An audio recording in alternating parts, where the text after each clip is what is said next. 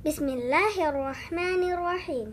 Assalamualaikum warahmatullahi wabarakatuh. Isra Mi'raj adalah dua kata yang berbahasa Arab.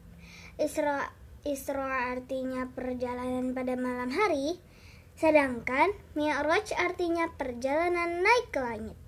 Pada suatu malam, Rasulullah Shallallahu alaihi wasallam melakukan perjalanan bersama Jibril alaihi salam.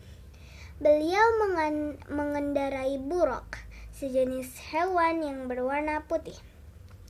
Pada malam itu, Rasulullah menaiki buruk dari Masjidil Haram di Mekah menuju Masjidil Aqsa di Baitul Maqdis. Perjalanan ini disebut Isra. Dari Masjidil Aqsa, beliau dan malaikat Jibril melanjutkan perjalanan ke langit Perjalanan ini dinamakan perjalanan ini dinamakan Mi'raj.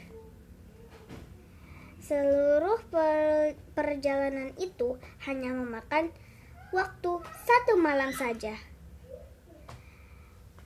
Ada ayat Al-Quran tentang Isra, yaitu Surat Al-Isra ayat 1.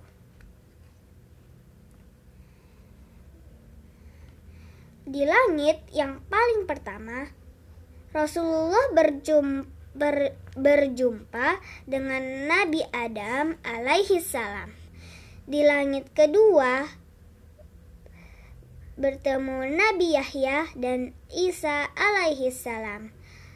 Setelah itu, beliau naik ke langit ketiga dan bertemu dengan Nabi Yusuf alaihi salam. Di langit keempat, Rasulullah bertemu dengan Nabi Idris alaihi salam. Dan di langit kelima, beliau berjumpa dengan Nabi Harun alaihi salam. Di langit keenam, beliau bertemu dengan Nabi Musa alaihi salam. Beliau mendapatinya sedang menangis. Setelah ditanya, ternyata Nabi Musa menangis karena umatnya Rasulullah lebih banyak yang masuk surga, surga dibandingkan umatnya.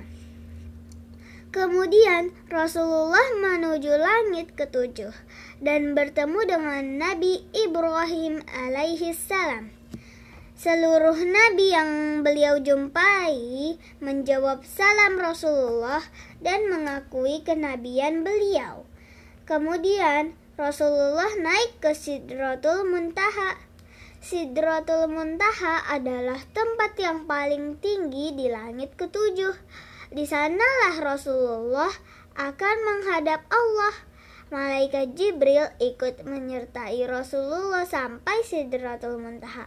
Tetapi ia tidak ikut menghadap Allah.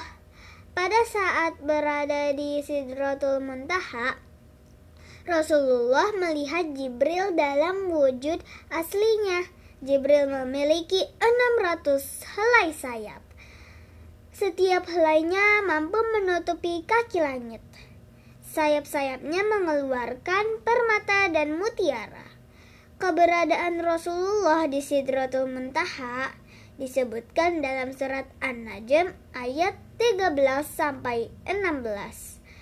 Pada saat itu, di Sidratul Muntaha, Rasulullah bersujud kepada Allah. Pada saat itulah Allah mewajibkan salat 50 waktu bagi Rasulullah dan umatnya.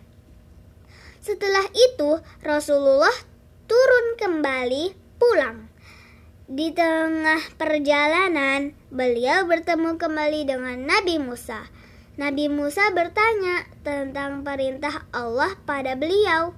Rasulullah menjelaskan bahwa Allah memerintahkan agar dirinya dan umatnya melaksanakan salat 50 waktu dalam sehari semalam. Umatnya tidak akan sanggup melaksanakannya, kata Nabi Musa. Mintalah kepada Allah untuk menguranginya. Rasulullah kembali ke Sidratul Muntaha dan memohon agar Allah mengurangi kewajiban salat menjadi sepuluh waktu. Permohonan beliau itu pun dikabulkan oleh Allah. Ketika Ketika kembali, Rasulullah bertemu lagi dengan Nabi Musa. Beliau memberitahukan ke memberitahukan bahwa Allah telah mengurangi jumlah salat yang diwajibkan menjadi 10 waktu. Umatnya tidak akan sanggup melaksanakan salat sebanyak 10 waktu, kata Nabi Musa. Serai, seraya meminta Rasulullah agar memohon keringanan untuk dirinya dan umatnya. Beliau pun kembali menghadap Allah untuk meminta keringanan permohonan permohonan beliau itu pun dikabulkan hingga Allah mengurangi salat menjadi lima waktu. Dalam perjalanan pulang, Rasulullah berjumpa lagi dengan Nabi Musa alaihi salam. Nabi Musa masih meragukan kemampuan umat Nabi Muhammad untuk melaksanakan salat wajib lima waktu. Namun, Rasulullah malu untuk meminta keringanan lagi kepada Allah. Beliau akhirnya menerima perintah Allah ketika itu. Dan sejak saat itulah sholat lima waktu diwajibkan bagi seluruh umat Islam. Dan ada ayat Al-Quran yang yang menunjukkan bahwa kita harus melaksanakan sholat sholat ada di surat Al-Ankabut ayat 45. Ketika itu, umat Islam be belum mengetahui tata cara mengerjakan salat Rasulullah Sallallahu Alaihi Wasallam.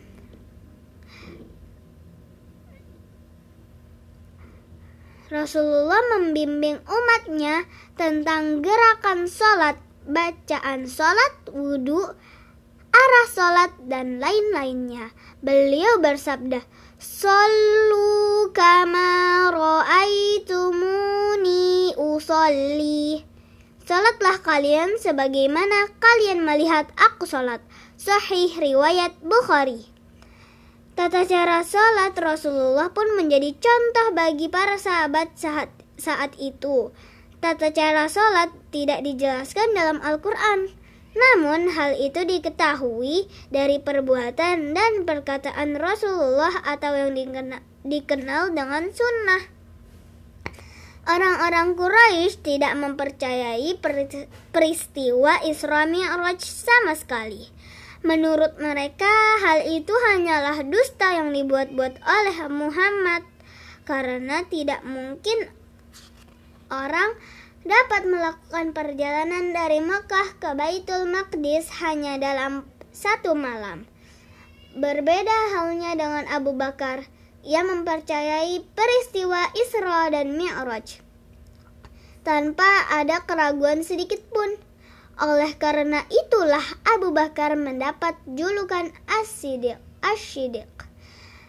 Orang yang selalu membenarkan. Apakah kalian suka cerita ini? Jangan lupa share cerita ini ke keluarga kalian, teman kalian, atau yang lainnya. Karena ini sangat penting dan kalian harus tahu kalau kalau ini benar dan kalian harus percaya. Oke? Okay? Biar aku terus semangat. Share ya. Alhamdulillah kita sudah belajar tentang Isra Mi'raj hari ini. Wassalamualaikum warahmatullahi wabarakatuh.